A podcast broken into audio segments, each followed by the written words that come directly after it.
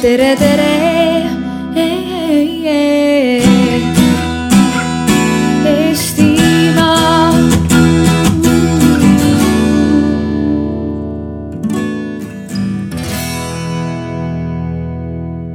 tere tulemast Postimehe alale, meil hakkab järgmine arutelu Teadlane meedias, mida viib läbi Postimehe teadustoimetaja Kaur Maran. ka kõik vestlusringis osalejad on kohal ja ma arvan, et siinkohal ma saangi Kaurile sõnajärje edasi anda. tervist, aitäh! Nagu öeldud, mina Postimehe ajakirjanik Kaur Maran ja eh, täna on plaanis siis natukene arutada selle üle, et eh, mis on teaduse piirid ja kuidas, kas teadusel on piirid, kui sellel on piirid, siis kuidas teadlane neid piire peaks käsitlema ja ennekõike lisaks sellele, kuidas ta seda avalikkuses peaks käsitlema. ja selle kõige lõpuks veel tegelikult see, et kuidas me selle kõige juures oma, oma väikesest Eesti ühiskonda edasi arendame niimoodi, et vältida suuremaid konflikte. ja sellest olen rääkima kutsunud Tallinna Tehnikaülikooli rektori Jaak Aaviksoo, Tartu Ülikooli arendusprorektor on praegu vist see õige, õige ametinimetus, Eerik Puura ja Tallinna Ülikoolist äh,, kuidas sind kõige õigem oleks nimetada, lektor oled sa vist seal ametlikult praegu, endine teadusajakirjanik ja teaduskommunikatsiooni uurija Arko Olesk. ja ma natukene seletan seda tausta võib-olla, et minule isiklikult äh, on see teema kui teadust käsitlevale ajakirjanikule nii mõnedki korrad silma jäänud just sellepärast, et äh, on mingisugune teema ja siis mõtled nagu, kas tõesti see teadlane nüüd nagu et, et kust see piir jookseb ja seetõttu mul on olnud mõnel korral, olen vaadanud seda, kuidas avalikes aruteludes on mõni teadlane võtnud sõna mingil teemal, kus ma ei ole nagu päris kindel, et kas ta sellel teemal nüüd justkui peaks sõna võtma. ja hiljem ma olen näinud, Arkol on olnud üks video teaduse piiridest. et kas teadus saab vast-, anda vastuseid kõigile, kõigile küsimustele. ja hiljuti ka Jaak avaldas Postimehes ühe arvamusloo, mis oli ka sellesse teemasse läks. ja nüüd äkki paluksingi, et äkki kõik saavad niimoodi lühikese mõneminutise opening statement'i teha, et kuidas teie sellest asjast arvate, et kas, kas teadlane, kust läheb see piir, et kust maalt teadlasel on see teadlase autoriteet, kui ta ühiskonnas räägib ja kust maalt ta peaks nagu tagasi tõmbama ja tunnistama, et see nüüd ei ole päris tema koht rääkida?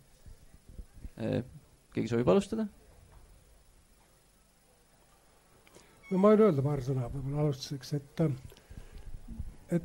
ma arvan, et kunagi nooruses ma olin väga teaduse usku ja uskusin, et teadus oskab kõikidele küsimustele vastata, aga mida aeg edasi, seda rohkem mulle tundub, et et päris tõsistele küsimustele teadusest vastust otsida on üsna raske, kui mitte võimatu, ehk siis teadus tegeleb lihtsate küsimustega, aga need päris küsimused ehk siis valiku küsimused, et äh,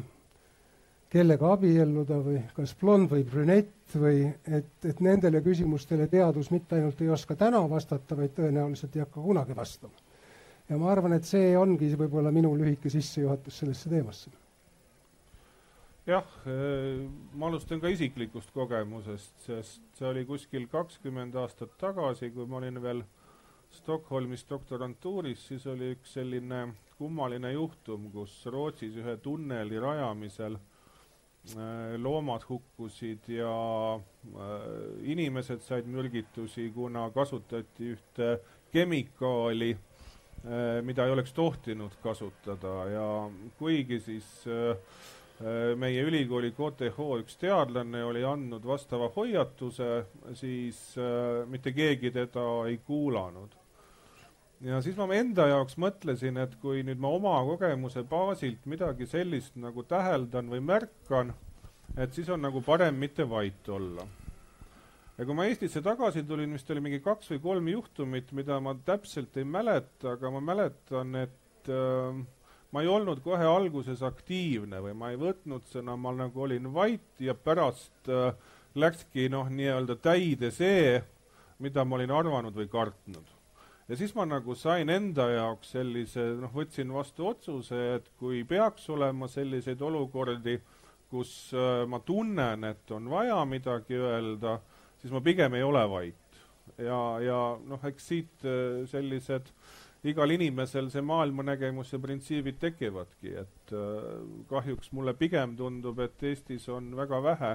selliseid teadlasi, kes üldse suudavad või tahavad või viitsivad sõna võtta ja, ja lisaks võib-olla ka kardavad, et nad noh, igasugu kommentaatorite või kelle poolt elavalt ära süüakse ja nende närvikava pole võib-olla piisavalt tõsine. et võib-olla see sissejuhatuseks. mulle tundub, et me oleme selle teemaga nagu natukene kahvlis, et ühelt poolt me tõesti tahame, et teadlased oleksid rohkem debattides esil, võtaksid sõna, panustaksid Eh, teiselt poolt neid küsimusi, nagu ka Jaak viitas, millele me saame nagu tõsiteaduslikult vastata. Et tegelikult neid nii palju ei olegi, niimoodi, et kui me lähtuksime ainult sellest, et teadlased peaksid andma nii-öelda,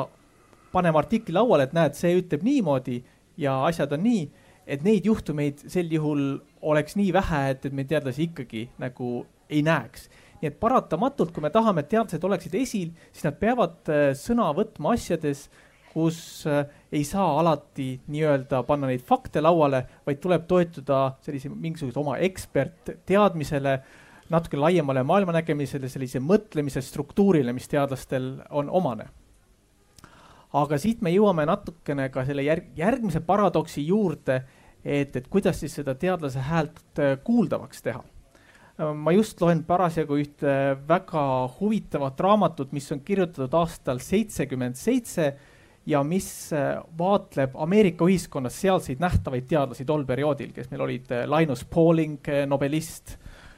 Paul Ehrlich, selle populatsioonipommi eest hoiataja, Carl Sagan, tuntud populariseerija. ja, ja see, see raamat ka järeldab, et, et need teadlased tegelikult kasutasid seda oma nähtavust, tuntust just selleks, et teatud poliitilistele, sotsiaalsetele küsimustele tähelepanu pöörata ja nii-öelda seda päevakava sättida või juhtida arutelu eh, teatud suunas. ja, ja ka see oli see tseen, kus on siin kuulamine kongressis, astub sisse see tuntud staarteadlane, annab oma sellise avalduse. saal on rahvast täis, inimesed seisavad, et teda kuulda. tema lõpetab oma avalduse, letti astub järgmine tegelikult teaduslikult sama eminentne inimene. saal tühjeneb sest, sest tema nimi ei ole nagu selle kaaluga, selle tuntusega. ja meil ongi see paradoks, et selleks, et, et jõuda sellisele tuntuse tasemele, et sinu sõnal oleks nagu ühiskonnas väga laialdane kaal, siis sa pead tegelikult tegema selliseid äh, samme, neid sõnavõtte, mis tegelikult teiste teadlaste silmis võivad olla teinekord natukene noh, see, et, et ta astub, mängib seal piiri peal, et ta räägib asjadest, kus ta võib-olla tegelikult päris ekspert ei ole. nii et meil on siis selline Eh, dilemma ja, ja selle puhul ma nagu võib-olla teeksin vahet just nende samade nii-öelda piiripealsetel asjadel ja päris eh, sihilikul jama ajamisel, mida me oleme ka tegelikult ju päris palju näinud, et eh, no Linus Pauling selle oma C-vitamiini hüsteeriaga lausa või noh, ongi, et, et tema promos C-vitamiini nii tohutul määral ilma mingite tõenditeta, et ta kujundaski üleüldise ülemaailmse hoiaku, et C-vitamiin on oluline kui praegu me teame, et tegelikult ta ikkagi nii väga ei ole sellel määral. ehk siis seesama teadlastel on praegu väga tugev enesetsensuur, mida öelda, välja arvatud nendel, kes tõesti väga soovivad seda jama ajada. ja siis ongi see küsimus, et kuidas me, kas ja kuidas me üldse suudaksime nii-öelda neid, seda teadlikku jama ajamist vältida ja seal ma olen ka nagu äh, kahvlis, et ma ei näe sellist erilist mehhanismi, kuidas äh, nii-öelda sellisele teadlasele päitseid pähe panna, kui ta tahab äh, väljale kappama minna sellest koplist välja, mis ei ole päris tema karjamaa väga huvitav, siin tegelikult äh, see probleem, mis koorub, on ikkagi see, et äh, noh, niimoodi nagu mina seda enda jaoks olen mõtestanud, on see, et kas teadlane nüüd on tegelikult see utreeritult öeldes tuimalt uuringute edastaja või, või mis see tema üldse laiem roll ühiskonnas olla saab? Et äh, siin äh, varasemalt rääkides äh, Jaaguga meil koorus välja see, et äh, arvamus selline, et justkui teadlase, tea-, teadlane olek iseenesest ei, ei annagi oma, see ei ole kvaliteedimärk kui selline, et teadlase arvamus on nagu igaühe arvamus. et äkki sa saad seda mõttekäiku natukene selgitada? no see on nagu üks niisugune veidi vastuoluline väide, millega ma võib-olla nüüd välja tulen, aga iseenesest kui me hästi demokraatlikult mõtleme ja kõik inimesed on võrdsed, siis ma arvan, et äh, olulistes küsimustes ehk siis valiku küsimustes, et kas, kas minna vasakule või paremale, nagu ma ütlesin, et kas blond või brünett, et siis nendes küsimustes on teadlased täpselt sama targad kui, kui kõik teised inimesed me näeme paraku, et äh, seesama asi laieneb ka, ka, ka veidi teaduslikumatele küsimustele, et kui sa siin viitasid Linus Paulingule, siis, siis ega ma ei tea, kas, kas Marilyn Monroe on suurem autoriteet paljudes küsimustes kui Linus Pauling või kas Al Gore on suurem autoriteet kui see, kui see Rootsi koolitüdruk, kes, kes kliimaprobleemidele tähelepanu juhib, et, et äh, hästi rangelt võttes teadlane on autoriteet seal, kus ta on tõepoolest ise uuringuid teinud, neid avaldanud, need on aprobeeritud, need on retsenseeritud, need on omaks võetud avalikkuse poolt ja seal võib teadlane öelda, kuidas asjad on. ja tegelikult peaks sinna punkti panema. teadlasel puuduvad instrumendid öelda, mis on õige ja mis on vale. ehk siis tegelike valikute küsimus tehasega saame kõik miljonärideks, aga miljon looma kannatavad või miljon lindu. et, et kas ehitada tehas või mitte ehitada, maailmas ei ole ühtegi teadlast, kes sellele küsimusele suudaks anda parema vastuse kui ükskõik kes siin viibijatest. aga mida teadlased saavad teha, nad saavad seda valikut keeruliseks teha, kui ma niimoodi utreerin. et kujutage ette, kui lihtne on valida pooli ehitame tehase, ei ehita tehase, kakleme, vaidleme, siis hääletame, ühed jäävad peale ja tehas jäetakse ehitamata. aga kujutage ette olukorda, kui teadlased selgitavad teile, mis nende valikute taga on. kui me teeme nii, siis juhtub see ja see ja see. ja kui me teeme nii, siis juhtub see ja see ja see. mõlemil puhul juhtub häid asju ja halbu asju. ja kui me nüüd peame otsustama, siis kujutage ette, missugune suur vastutus meile langeb, sest me teadsime neid halbu eeldusi, teadlased olid meile neid öelnud. ja nüüd me otsustame, nüüd me oleme kaasvastutajad, aga kui me ei teadnud ja hääletasime poolt või vastu, siis on moraalselt palju lihtsam otsuseid langetada. lihtne on olla poolt, lihtne on olla vastu, läks nii nagu läks, aga mis mina teadsin, kuidas läheb. et selles mõttes teadlased võivad ka elu keerulisemaks teha, nii et eh, ei ole lihtne selle teaduse ja huvide ühitamisega ja ükskõik, kuidas otsast seda vaadata. Mulle just tuli üks juhtum meelde, kus mind kutsuti telestuudiosse, tõesti sellel teemal, mis ma tundsin, et see on väga tugevasti minu eriala. jutt oli nõiakaevust. Eh, ja, ja siis ma ütlesin, et okei okay,, ma tulen ja siis minu käest eh, saate läbiviija küsis, aga kumba leeri te kuulute, kas poolt või vastu leeri mina ütlesin, et ma tahan. vabandust, mille poolt või mille vastu? no nõia, nõiakaevu tähendab kaevandamise, nii et nõiakaev võiks kaduda või siis noh, ühesõnaga looduskaitseala loomise nii-öelda poolt. mina ütlesin, et ma tahan olla ekspert, ma tahan kommenteerida seda teemat täpselt nii keeruliselt, nagu ka Jaak praegu rääkis, et, et kuidas, ei, meie saateformaat seda ei luba Te peate ühesõnaga valima leeri, kas ühesõnaga poolt või vastu ja, ja, ja siis ja, ja, ja ma ei läinud sinna, no pärast natukene kahetsesin, sest noh, kuuludes ükskõik kumba leeri ma oleks natukenegi saanud seda teaduslikku arvamust seal esitleda. aga, aga no sest see, mis seal toimus, oli kaugel igasugusest teaduslikkusest nii et äh, jah, et ma ise ka väga seda tunnen ja, ja, ja ma olen tundnud ka seda, et kui ma nüüd nagu ütlengi välja, et ma tahan olla selline neutraalne teadlane äh, ja, ja mingisugust täpselt äh, objektiivselt kirjeldada neid poolt ja vastu asju, siis tegelikult ma ei meeldi kellelegi. ja ma teen endale ka elu kohutavalt raskeks, sellepärast et need, kes on poolt, nendele ma ei meeldi, need, kes on vastu, nendele ma ei meeldi, need, kes saadet läbi viiad, ei oska mind kuskile kuskile panna, eks ole, et mis ma nagu seal teen. Ja, ja lõppkokkuvõttes ma tunnen, et ma ei meeldi ühesõnaga mitte kellelegi. Ja, ja, ja miks ma peaksin siis noh, nii-öelda? Ja, ja, ja vot see ongi võib-olla see tõesti see Eesti üks, üks põhiprobleeme, et me ei tahagi nagu selliseid sisulisi arutelusid, me kohe valime ühesõnaga poole, tormame ühesõnaga sinna ja, ja tõesti, ma tean väga palju inimesi, keda nagu telestuudiosse paigaldada, siis, siis ei olegi nagu, nagu mõtet äh, seda saadet vaadata, sest äh, nad iialgi ei muuda oma arvamust. Nad on nagu papagoid, nad on ühesõnaga kas ühel pool või ühesõnaga teisel pool, siis see arutelu, noh, ma olengi toonud näidet, siis kui meil on vaja kuskile otsusele jõuda, ta seal stuudios jõuab punktist null punkti üks, lõpeb seal ära ja siis äh, mõne kuu või aasta pärast on täpselt samasugune saade, kus täpselt samamoodi jõutakse punktist null punkti üks. nii et äh, noh, sellised kogemused on ja, ja no siis, siis, siis ongi võib-olla need teistsugused äh, mõtted või meetmed, mis mina olen kasutanud. üks on kunagi, ma pidasin noh, nagu blogi, eks ole, siis, siis hetkel on sotsiaalmeedia võtnud seda rolli, kus noh, sa saad ikkagi täpselt äh,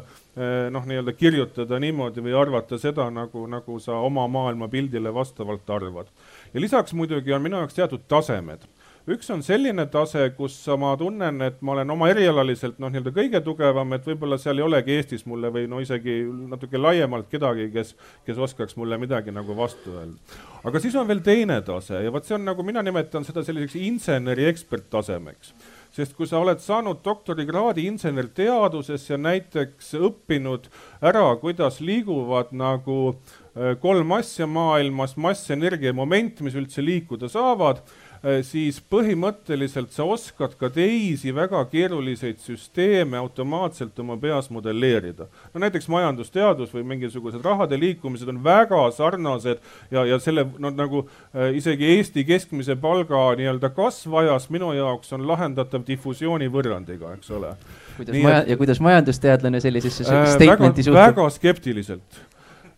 kunagi, kui oli see majandus, see kasv ja, ja see, see, see, äh, see kriis tekkis kaks tuhat seitse, kaheksa, pal-, keskmine palk läksid äh, noh, nii-öelda kõrgustesse, siis ma difusiooni võrrandi alusel täpselt tuletasin välja, millal ta nii-öelda stabiliseerub, kui kauaks ja millal hakkab jälle kasvama. ja, ja täpselt niimoodi läks, ma pärast nii-öelda vaatasin, aga minu arvamust keegi, noh, majandusteadlased ütlesid, et see on labane, see on lapselik aga äh, ja, ja, ja seda arvamust ei kuulanud keegi, aga, sisuliselt äh, noh, paraku on niimoodi, et äh, on teatud loodusseadused ja, ja teadused, kus ka teised süsteemid nii-öelda alluvad, kui sa insenerteaduse laiemat maailma nagu tunned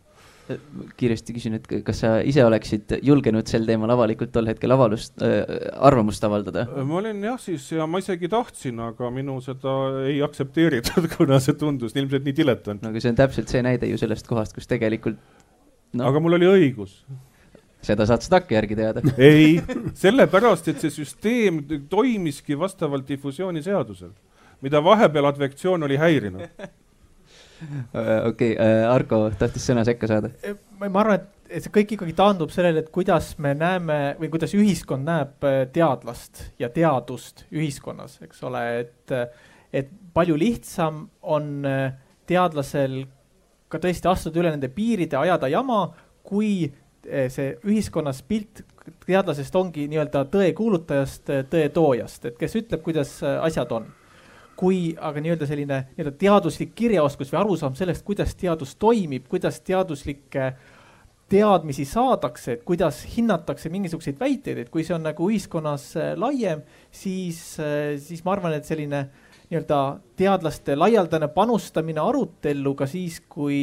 kui see, need väited ei ole nii-öelda alati kõige kindlamal pinnal, on nagu ainult teretulnud sest kui arutelu ise suudab nagu edasi minna nii ratsionaalselt ja et loogikapõhiselt, et, et see ainult äh, rikastab ühiskonda, et aga kui nagu on selline hoiak, et, et me noh, me vajamegi lihtsaid vastuseid, me vajame tõekuulutajaid ja me parasjagu otsime, et, et kes, kelle see arvamus meile kõige rohkem meeldib, siis, äh, siis olgu see teadlane, olgu see posija või noh, siis ei ole nagu sisulist vahet, kes nagu rahva poolt on nagu valitud selleks tõekuulutajaks minu jaoks on olnud üks selline öö, äh, olemuslikult kõige keerulisemaid äh, teaduse kajastamise või vähemasti teaduse kajastamise üritamise momente. see, kui toimus metsaseaduse muutmine ja siis Postimehes avaldati üks arvamusartikkel selle kohta, et no see oli selline selle seaduse, seadusemuudatuse kriitiline, pigem sellest koolkonnast, kes ütlevad, et raietega on tõesti liiale mindud. Ja siis toimetuse peal vaadati mulle otsa ja öeldi, et tee nüüd lugu sellest, et mida need teadlased sellest õige arvavad. ja selle peale läks mul üle nädala aja ja ma olin, läksin täiesti hulluks selle peale ühel hetkel, kuna tegelikult igast servast oli see arvamus täiesti erinev, mõlemal inimesel on doktorikraad, arvamus on täiesti teine seisukoht on täiesti teine, lähtekoht on täiesti teine. et äh, minule natukene tundub siin seda, et siin on ka nagu osa probleemist on see, et teadus oma olemuselt on hästi diskreetne, ta tegeleb ühe väga konkreetse küsimusega, annab sellele väga konkreetsele küsimusele vastuse, aga noh, minu praeguse ja Arko endise Tsunfti siis äh, ajakirjanike jaoks võib-olla me nagu tahame saada üsna selliseid nagu noh, lihtsaid vastuseid kogu aeg ja mulle tundub, et see on ka see, mida ühiskond tahab ja see on natukene ka see, mida Eerik praegu kirjeldas. et äh, kas teile tundub, et kas kuidagi oleks võimalik kas oleks vaja või kas oleks võimalik luua mingisugust sellist formaati, mis nagu natukene võimaldaks seda kuidagi siis ütleme, teaduslikult nüansseeritumat diskussiooni rohkem esile tuua ühiskonnas? no ma olen väga skeptiline, just see metsa näide on väga hea näide, et äh, ükski teadlane, sealhulgas ka metsateadlased, ei eh, oska teaduslikku vastust anda küsimusele, kas me peaksime raiuma kaks korda rohkem, kaks korda vähem või täpselt nii palju, kui me praegu raiume. et see ei ole teadusliku meetodiga vastatav küsimus põhimõtteliselt. seepärast, et see kõik sõltub sellest, mis on meie jaoks tähtis. mida me tahame. väärtuslik, mis, mida me tahame, mis on meie huvides. et kui me sõnastame selles, milles on meie huvid, mida me tahame saavutada mets on meie jaoks väärtuslikum kui raha. mets on meie jaoks väärtuslikum kui inimeste tervis. võib-olla veel midagi ja kui me niisuguse väärtused paneme lauale ja küsime teadlaste käest, et kui niisugused väärtused on meie jaoks olulised, mida siis teha, siis oskavad metsateadlased öelda, et siis peaks metsa olema kaks korda rohkem. aga seda teadmist, selleks ei ole vaja metsateadlane olla, siis me saame ju isegi aru nii et tegelikult ma olen kohanud suhteliselt küünilisi poliitikuid, kes ütlevad, et kuulge, kui on vaja otsustada, siis saadetakse teadlased saalist välja ja siis võetakse vastu otsus ja teadlased kutsutakse sisse tagasi siis, kui me oma targa või lolli, vahet pole, otsust hakkame ellu viima, et kuidas me siis nüüd seda tegema hakkame. et kui meil on eesmärk selge, väärtused on ära otsustatud, vot siis on teadlased kasulikud et see on küll väga küüniline seisukoht ja ma isiklikult sellega nõus ei ole. aga, aga ma arvan, et oluline on aru saada, et, et teadus kindlasti ei ole igasuguse tõe lõplik kuulutaja ja veelgi vähem on seda mingi konkreetne teadlane, ükskõik kui spetsialist ta ka ei oleks. noh, see on ka selline natukene levinud ise ma olen kohanud seda, kus vaadatakse otsa, öeldakse targa häälega, et aga teadus ei saagi kõiki vastuseid anda, aga ta pole seda ka kunagi öelnud, et ta seda annab eks need äh, jah, dualistlikud või isegi rohkem rollid väikses ühiskonnas on, äh, on ka olulised, sellepärast et äh, üks inimene ei saa teha palju asju hästi, noh näiteks kolme või enamat, aga noh, näiteks kahte asja ta võiks päris hästi teha, noh, olla näiteks teadlane ja ettevõtja või teadlane ja õppejõud või teadlane ja noh, ma ei tea, poliitik ei ole vist see õige sõna aga äh, ma tunnistan, et siin on väga tõesti palju subjektiivsust või, või noh, näiteks äh, ma arvan, et iga inimese nimi on mingis mõttes ka väikses ühiskonnas tema kaubamärk, teda teatakse, tuntakse selle järgi. aga samal ajal noh, mulle ka meeldib seenel käia, õudselt meeldib seenel käia. Ja, ja ma näen, et, et tõesti mul on neljast puraviku kohast on viimase kuue aasta jooksul kolm kadunud eks ole. et kui ma nüüd teeksin sellest järelduse, et meil on äh, probleem noh, nii-öelda metsade raiumisega, siis on küsimus, et kas see minu vaatlus selles osas et, et seitsekümmend viis protsenti minu seenekohtadest on hävinud, eks ole, et kas on adekvaatne otsustamaks selle laia pildi või situatsiooni kohta, aga just paraku niimoodi väga sageli tehakse, eks ole nii et äh, noh, muide parimad kukeseenekohad on ka selliste noore, noorendike all ja õnneks keegi ei oska sealt otsida midagi, nii et see on väike saladus, aga, aga, aga see selleks. nii et äh, ma tõesti arvan seda, et äh, ei, ei saa jah, oma kaubamärki ohvriks tuua Äh, sellistele arvamustele, mida sa otsekui serveerid nagu teadusliku arvamuse pähe. nüüd järgmine küsimus on see, et kui sa midagi ütled teadlasena, kuidas siis seda sinu ütlust seostatakse, kas sind seostatakse kui teadlane või lihtsalt ühesõnaga seenelkäija? Ja, ja, ja, ja, ja kuidas siis noh, et, et kui ma noh, nagu kirjutan siis sellest et, et seitsekümmend viis protsenti minu seenekohtadest on ühesõnaga hävinud, siis kas seal taga on Erik Puure ühesõnaga noh, teadlane või, või prorektor või Erik Puure oma seenelkäija, kes on teinud selle vaatluse. ja siin ma arvan jah, et, et väga sageli meediale meeldib seostada minu seda jälgimist, seda väikest vaatlust minu noh, nii-öelda nimega ja sellega, kes ma olen.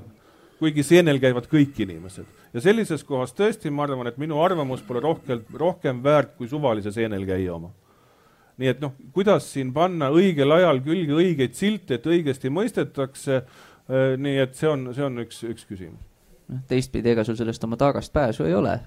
oma positsioonilt kirjutab meist igaüks. Äh, absoluutselt et äh, see, see on ka nagu noh, natukene see probleem, et teadlane ei saa ka tegelikult kirjutada, et nüüd ma kirjutan kui tavakodanik, kes ei ole teadlane. et samamoodi nagu mina ei saa tõenäoliselt kunagi kirjutada midagi oma praeguses positsioonis, ilma et ma peaks, ilma et mina ja mõned inimesed teavad, et noh, ikkagi mis, kes ma olen, kes ma olen inimesena, on ju. aga kas see automaatselt tähendab, et ma ei tohikski oma seda vaatlust kui seenelkäija kunagi avaldada, kuna ma olen ju teadlane no vot,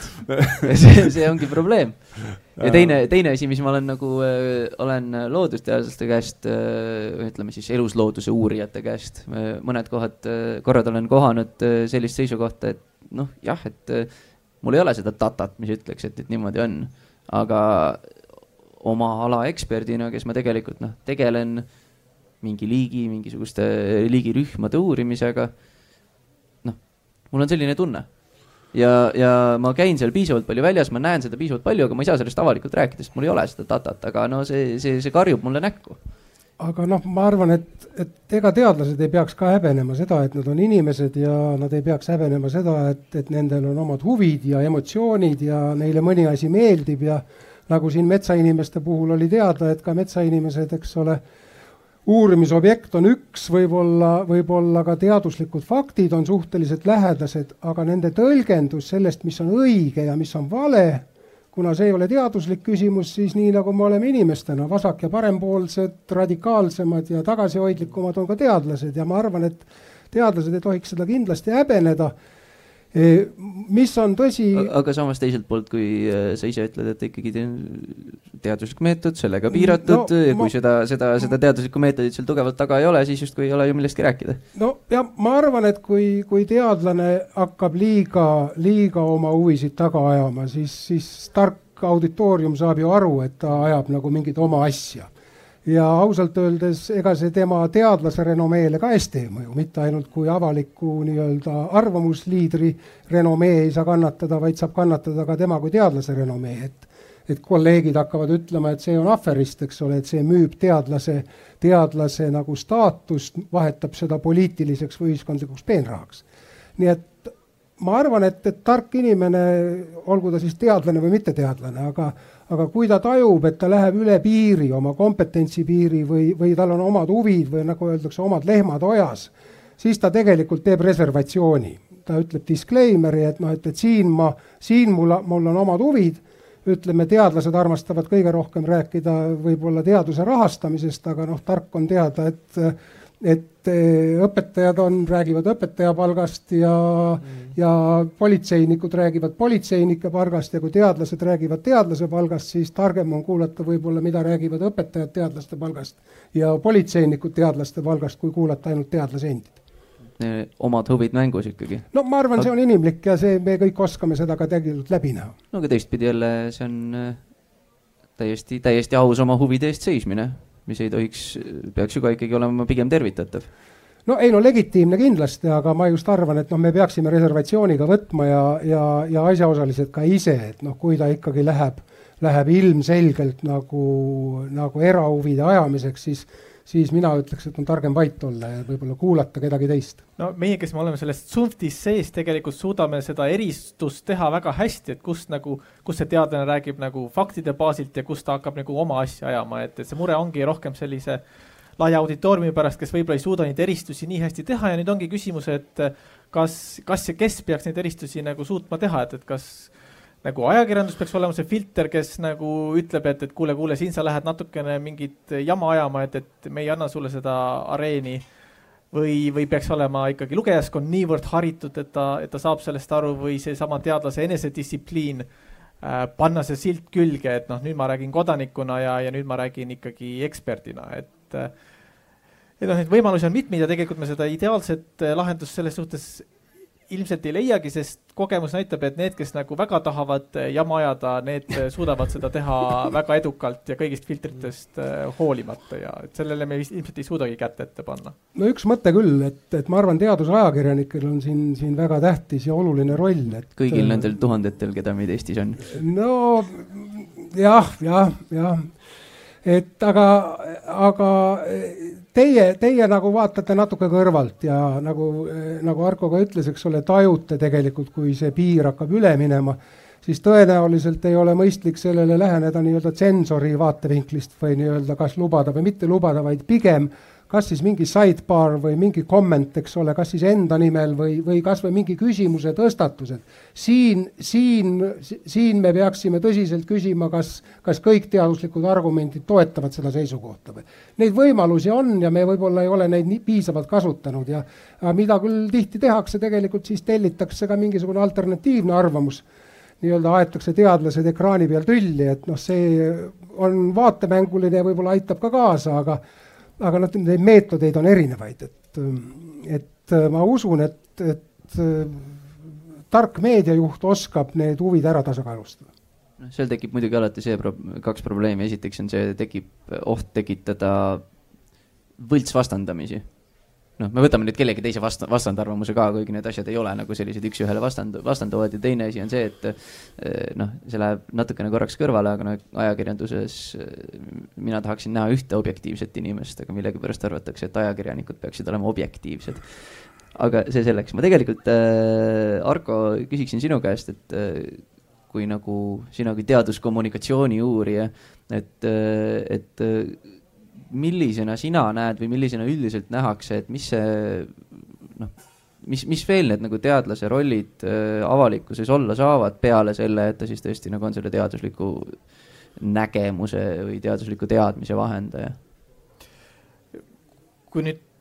ongi, et teaduskommunikatsioon on ka välja kasvanud sellisest praktilisest äh, poolest, kus äh, samamoodi Lääne-Euroopas äh, hakkasid ülikoolid tundma, et et kuidagi selline toetus hakkab ära kaduma eh, teadusele,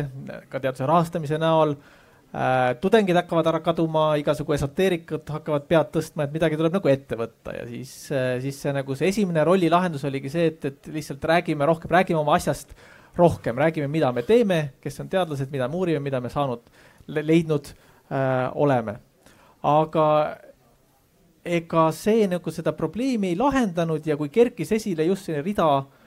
vastuolulisi küsimusi, geneetiliselt muundatud organismid, kliimadebatt äh,, vaktsiin, vaktsineerimise debatt, et siis nagu tajuti aina rohkem, et on lihtsalt see, see faktipõhine lähenemine alati ei tööta ja, ja peab olema nii-öelda kaasavam, avatum. ja, ja, ja praegu rõhutatakse väga palju, et, et see teadlase roll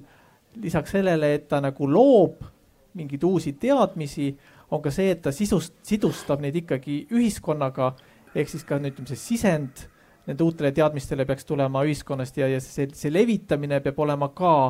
mitte nii-öelda ülevalt alla, et mina ütlen, kuidas asjad on, vaid, vaid neid erinevaid vaatenurki koondav, dialoogiline, kaasav ja nii edasi. lühidalt kokkuvõttena, et ikkagi rohkem sellist nii-öelda avatust ja rääkimist ja, ja osalust debattides ja tegelikult ka kuulamisoskust. Eh, et, et nagu ka siin Jaak on korduvalt rõhutanud, et, et teadus, teaduses ikkagi on olemas nii-öelda see sotsiaalne komponent, see väärtuste pool. ja, ja, ja tihti võib-olla need teadlased ise ei olegi niivõrd väga teadvustanud, et mis on nagu see, see väärtuste pool, see nendes, nende töös. et, et selles osas nad peaksid olema pisut, pisut avatumad. aga ma arvan, et see jõuab ikkagi sellele tasemele, et tulla laboritest välja, rääkida rohkem ja kuulata rohkem. Ja, ja mitte nagu peljata tõesti eh, seda nii-öelda klammerdumist nendesse faktidesse vaid, vaid lisama ka sellist sotsiaalset vajadusel emotsionaalset poolt oma kommunikatsiooni, samal ajal nagu ka seda ikkagi nagu teadvustades, et, et, et see on nagu ka see sotsiaalsem, emotsionaalsem pool, et kust need piirid nagu jooksevad et, et olla avatum, aga olla ka läbipaistvam selles osas, et, et mis selles töös on nagu faktipõhine ja mis juba jõuab sinna väärtuste poole. ma arvan, Arko, sa läksid väga, väga niisuguse huvitava teema juurde, et, et tõesti ühiskond ootab mitte ainult teadlastelt, ma arvan ka, ka kunstnikelt, raudteelastelt, kellelt iganes, et, et nad oleksid avatud nad ei ajaks oma kinnist asja, nendel ei oleks varjatud huve, et nad oleksid läbipaistvad, ennustatavad, usaldusväärsed. See kõik on ühiskonna huvides ja me kõik sooviksime seda. ja siis me kutsume, et tulge ja rääkige ja tulge ja selgitage, aga need teadlased on samasugused inimesed oma huvidega nagu kõik teised. ja teadlased, olles kiindunud oma uurimisobjekti, oma tegevusse, milleks on eelkõige vaja, vaja ressurssi selleks, et noh, ise tahaks saada leiba ja vorsti leiva peale tahaks endale doktorante, postdoc'e, tahaks, et see eriala areneks, sest see on ju tähtis eriala, mina tegelen sellega. Need, kes välja tulevad, need tulevad välja koos oma huvidega. ja kui nad ise ei oska, kui nad on ise head jutumehed, meil on Eestis väga häid teadlasi, väga häid jutumehi, aga on ka neid, kes nii head jutumehed ei ole, siis nad palkavad endale PR-nõustajaid. kas sellest muutub midagi läbipaistvamaks? ei, head inimesed, sellest muutub asi läbipaistmatumaks sest nad esitavad loomulikult seda niisuguses positiivses, kaasavas võtmes, et leida endale ja oma tegevusele tähelepanu ja toetust. nakatada noori inimesi selle haigusega, et nad tuleksid seda eriala õppima, ei läheks eh, kuskile mujale, tuleksid doktorantuuri, siis ma saaksin neid valida, kehvad praagin välja, lähevad kuhu tahavad, paremad võtan endale doktorandiks, et nad jätkaksid minu tööd, et mul oleks suur akadeemiline perekond isekaid huve on teaduses väga-väga palju ja mida rohkem me neid teadlasi õue kutsume, seda rohkem nad oma muinasjuttu meile rääkima hakkavad. et, et noh, tuleb ka seda tegelikult selle taga näha, et, et päris nii ei ole, et, et kui nad tulevad, siis ilmneb kogu tõde, vaid pigem tuleb alati vaadata, et mis siis seal on tõepoolest nii ja mis siis seal on nii-öelda huvide põhine. lõpuni isetu ei ole meist keegi, ühesõnaga. kahjuks küll või õnneks kahjuks õnneks. no see on see ühiskondlik äh, areen, mis meil praegu on tekkinud, me peamegi kõik võitlema selle tähelepanu pärast, mis seal on, et neid oma huvisid äh, realiseerida. ja, ja siis me olemegi teatud määral nagu sunnitud olla, olema sellises äh, rollis avalikkuses, sest kui me seal ei ole, siis meid sisuliselt ei ole olemas aga jah, väga sageli ongi küsimus, et kes on see tõesti see teadlane, kes sellistele noh, nagu ühiskonnas tekkivatele küsimustele on äh, kompetentne noh, nii-öelda vastama, eks ole, näiteks just eile mul oli juhtum, ajakirjanik pöördus minu poole, küsib, et äh, kas ma ei tea ühtegi kalateadlast, kes äh, oleks võimeline vastama küsimustele, kas kaladel on tunded? Sest on tekkinud üks MTÜ, mis propageerib, et on kaladel tunded, kogub annetusi ja tahab võidelda kalade ühesõnaga õiguste eest, et kas ma soovitaks kalateadlast ma tükk aega mõtlesin ja ma vastasin niimoodi, et ma tean ühte väga head usuteadlast, kes on ka kirglik kalamees ja ta kindlasti võib seda küsimust noh, ühesõnaga selgitada või kommenteerida.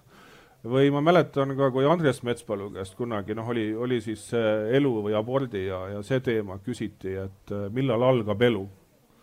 siis äh, ta oskas leida vastuse, äh, millega ta selle diskussiooni selleks hetkeks lõpetas. Ja vastus oli, et elu algab siis, kui koer on surnud ja lapsed on kodust läinud. Et äh,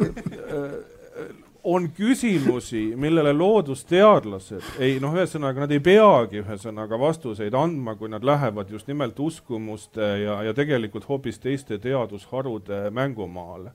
ja, ja siin on tõesti, mida me noh, nagu sageli ei tunneta, siis on ja mis minu arust on Eestis natukene nõrk, ongi see sotsiaalhumanitaarteaduste roll noh, nagu kogu selle noh, samuti selle selgitamisel ja, ja ühiskonnale noh, nii-öelda näitamises siis, kuidas, kuidas asjad. aga küsimus ongi selles, et kas me nende küsimuste üle arutamisel tahame ühiskonnas jätta ainult nii-öelda äh, ma ei tea, selline MTÜ-dele või aktivistidele, et, et kas nagu teadlane teadlased mingil moel ikkagi peaksid ka osalema nendes debattides. aga ma arvan, et sellele esimesele küsimusele usuteadlane ongi kõige õigem vastama, sest ma uurisin ka, no ma ei ole usklik inimene, aga, aga ma leidsin piiblist ühesõnaga kohti, kus on viidatud kalade tunnetele? ei, õigustele, mis on antud inimesele süüa kalu nii et, nii et see, see on tegelikult mõnes mõttes usu ja uskumuste küsimus läbi aastatuhandete juba, et kes see inimene siin planeedil on ja mida ta teeb. nii, korra küsin, kas meil on publiku seast küsimusi tekkinud?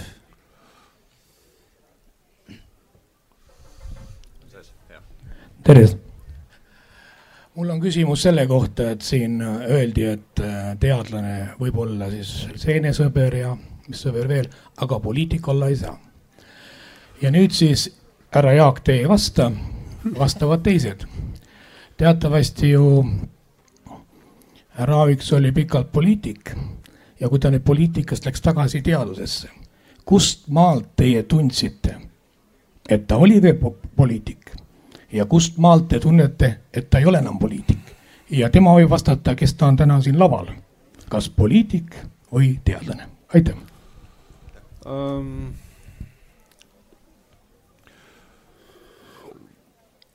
ma ei tea, kas professor akadeemik Jaak Aaviksoo hetkel ühtegi teadusrühma juhendab. ma arvan, et selleks väga palju aega ei ole.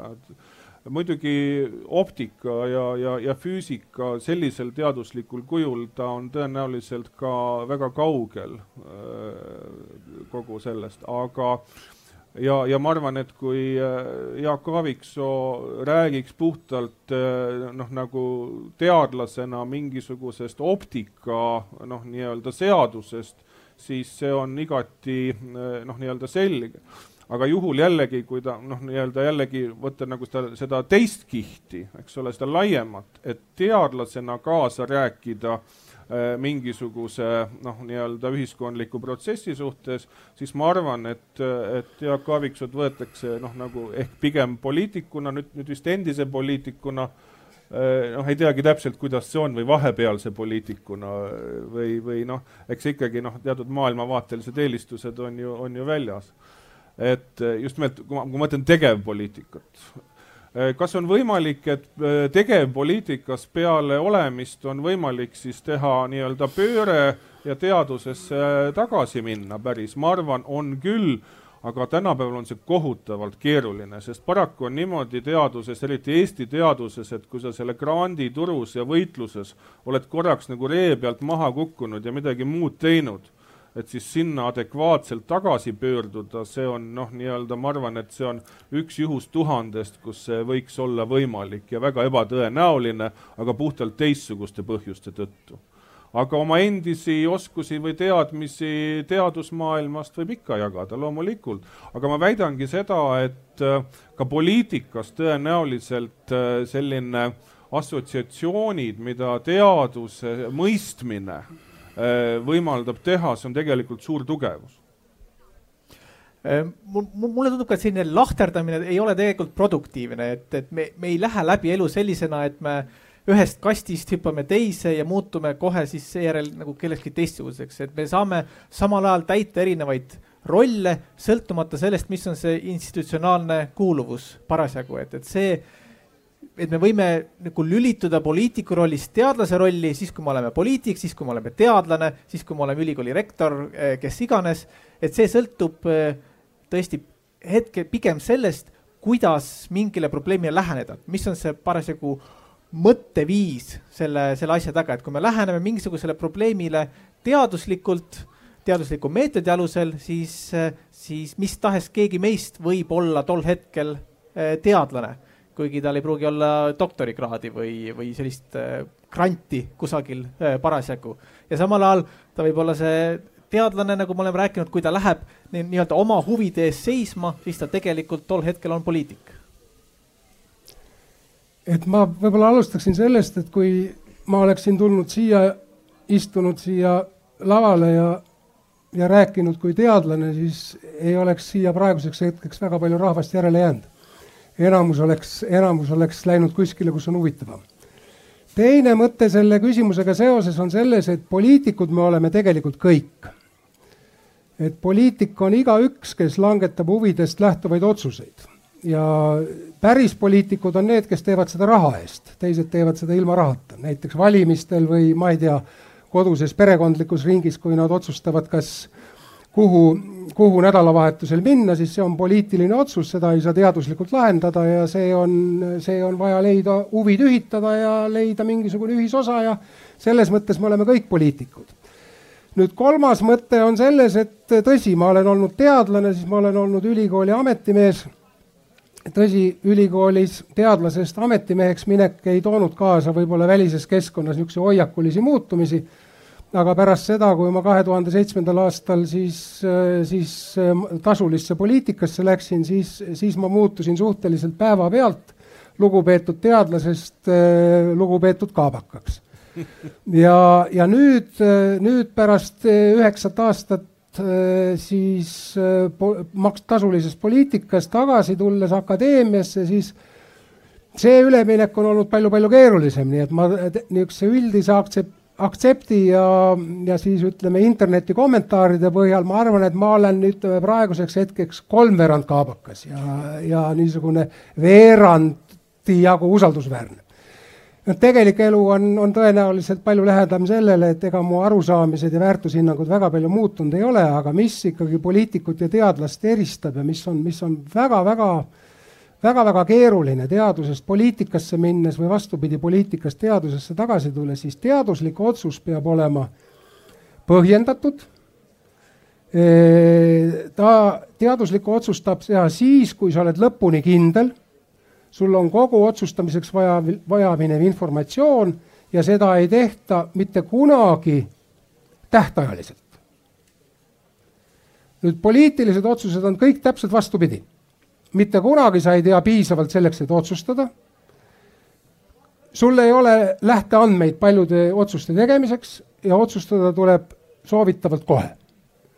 ja siis, kui sa selle ära õpid,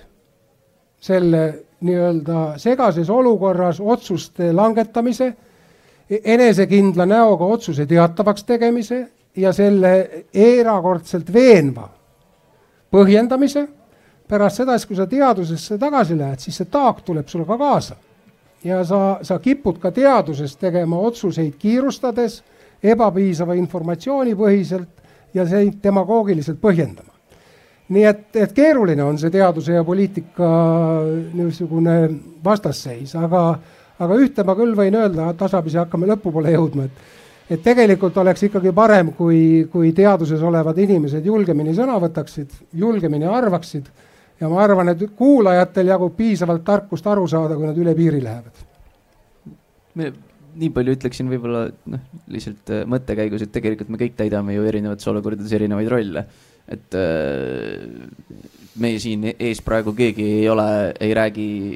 pereinimeste positsioonist, okei okay,, võib-olla Eerik korraks rääkis kirgliku seenelise positsioonist, aga meil on siiski nagu kõigil, me, me, me teame, mida me siin teeme ja samamoodi ka tegelikult kõikides teistes olukordades. aga kuna me tõesti hakkame vaikselt lõpule lähema. Laur, ühe küsimuse võtaks veel? jah, võiks just, seda ma mõtlesingi. tere, äh, mina olen Riin Savi TalTechist, Ragnar Nurkse Innovatsiooni ja Valitsemise Instituudist, kus ma olen siis teadur. ja mul jäi väga hinge peale see kommentaar, mis Eerik ütles, et ta ei saanud minna telesaatesse, sest tal paluti valida pool, aga ta ei saanud teha seda teadlasena. ja ma arvan, et see on, ongi selline vastuolu, mida me teaduritena, teadlastena hästi palju tunneme, et ühelt poolt tahetakse, et me räägiks rohkem, oleks rohkem aktiivsed, rohkem avalikkusele nähtavad ja teiselt poolt alati öeldakse, et olge konkreetsemad, ära räägi nii pikalt, ära too palju, nii palju erinevaid, noh, et ütle selgelt äh,, ütle, ütle lihtsalt, ütle arusaadavalt äh, ja, ja lõpuks tihti see läheb selleni, et sa pead valima mingi poole või sa pead ütlema, et see on hea või see on halb. et äh, ma hakkasin mõtlema, et kelle roll oleks seda veidike muuta. kas meie ise peaksime tekitama huvi või tahtmist selle järele, et vaadata asjadele natukene äh, keerulisemalt või natukene mitmetahulisemalt, et mitte ainult õige, hea, vale ja nii edasi. Äh, või on see ajakirjanike, teadusajakirjanike, ajakirjanduse kui terviku äh, roll. et ja siin on veel see aspekt, et eriformaadid, kus see võimalus tuua neid mitmetahulisi erinevaid aspekte, et tele on kindlasti see formaat, kus sul on kõige vähem aega ennast põhjendada ja erinevaid seisukohti välja tuua.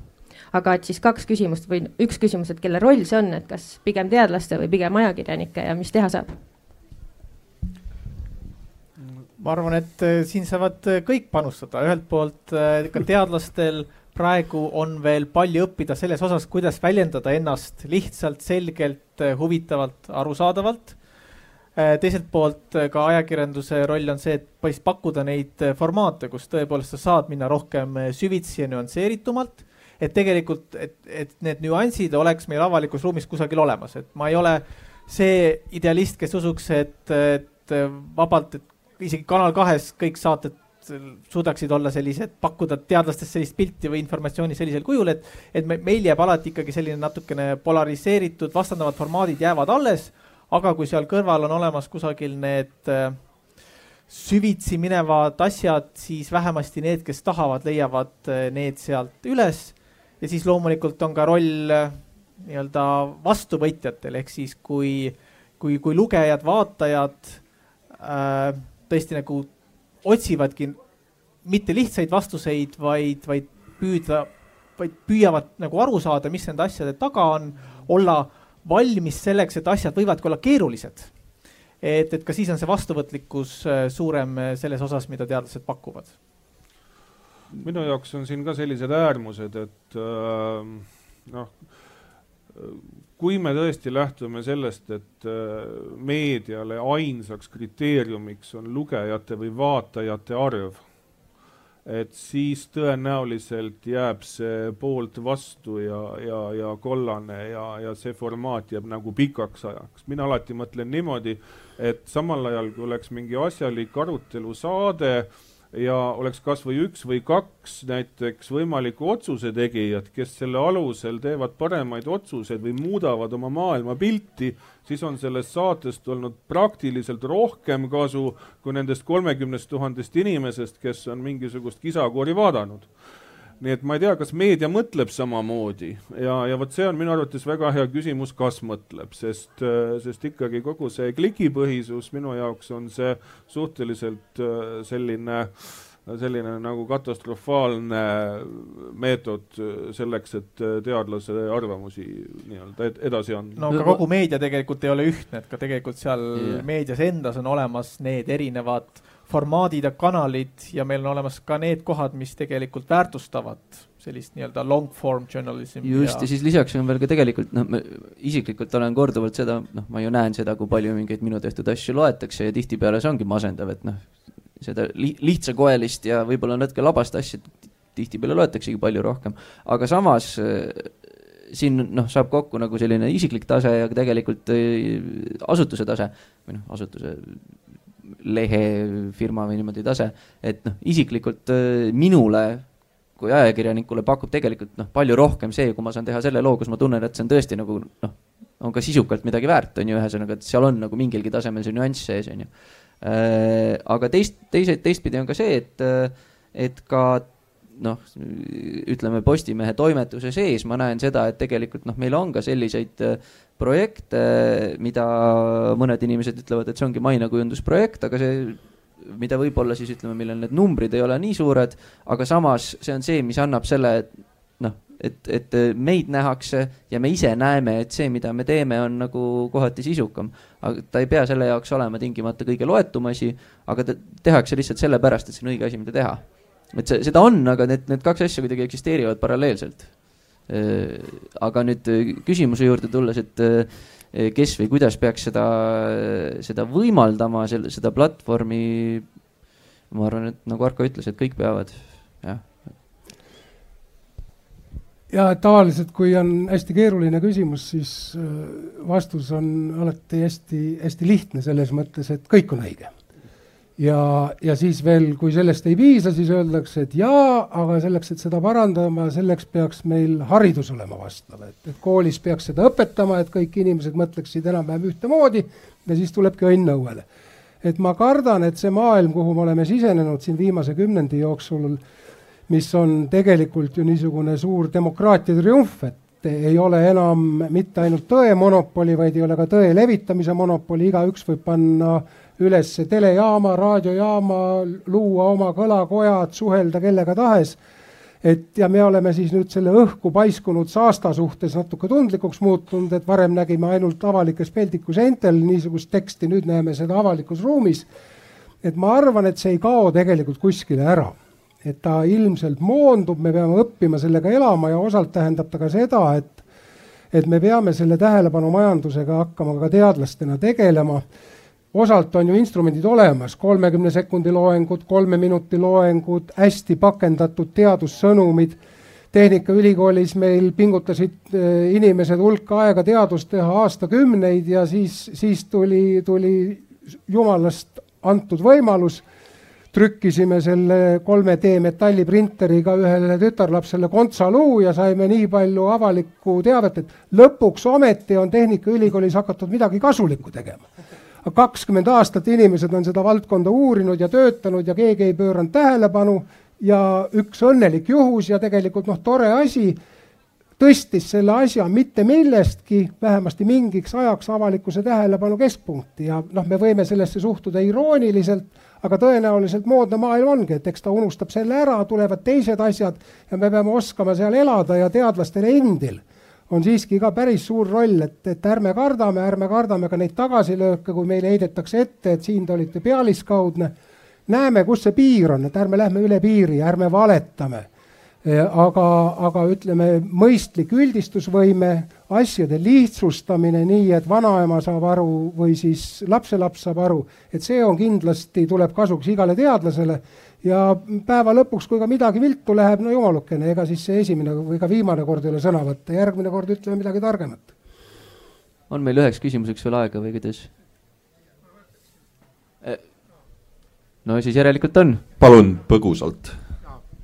vastame ja vastame ka siis põgusalt. et äh, mulle tuleb selle teaduse publitseerimisega, ütleme suuretiraažilistes väljaannetes meelde üks seik uskumatu, aga see on luuletuste publitseerimine suure tiraažilistest päevalehtedest ja iga küsitlus näitab, et üks, keegi neid ei loe, üks-kaks protsenti, tohutu, tohutu väike protsent, kes üldse sellest päevalehe lugejaskonnast luuletuse vastu huvi tunnevad. aga suur oli nende inimeste protsent, kes ise luuletust ei lugenud, aga kes tundsid uhkust, et nad loevad lehte, mis avaldab luuletust. nii et ühesõnaga, ka siin on positiivne mõju ja ma arvan, et ka teaduse õige teaduse, materialistliku teaduse avaldamisega suurtes väljaannetes võib umbes sama üks,, üks-kaks protsenti või veel vähem loeb, aga ülejäänud tunneb uhkust, aa, ma loen seda lehte, mis avaldab teadust.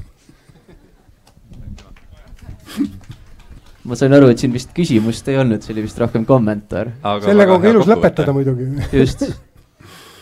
aga kirjutage siis horoskoope näiteks, et täna saad sa teada, et seesiumi keemiline valem on CS, et aga, nagu sellisel juhul. aga te võiksite teha sellise tekstigeneraatori, mis selle ise valmis kirjutab, siis me ei pea seda tegema aga selge, äh, mina tänan kõiki, kes on kuulanud, tänan arutelu eest ja kes siin teadlased on, võtke siis ikka sõna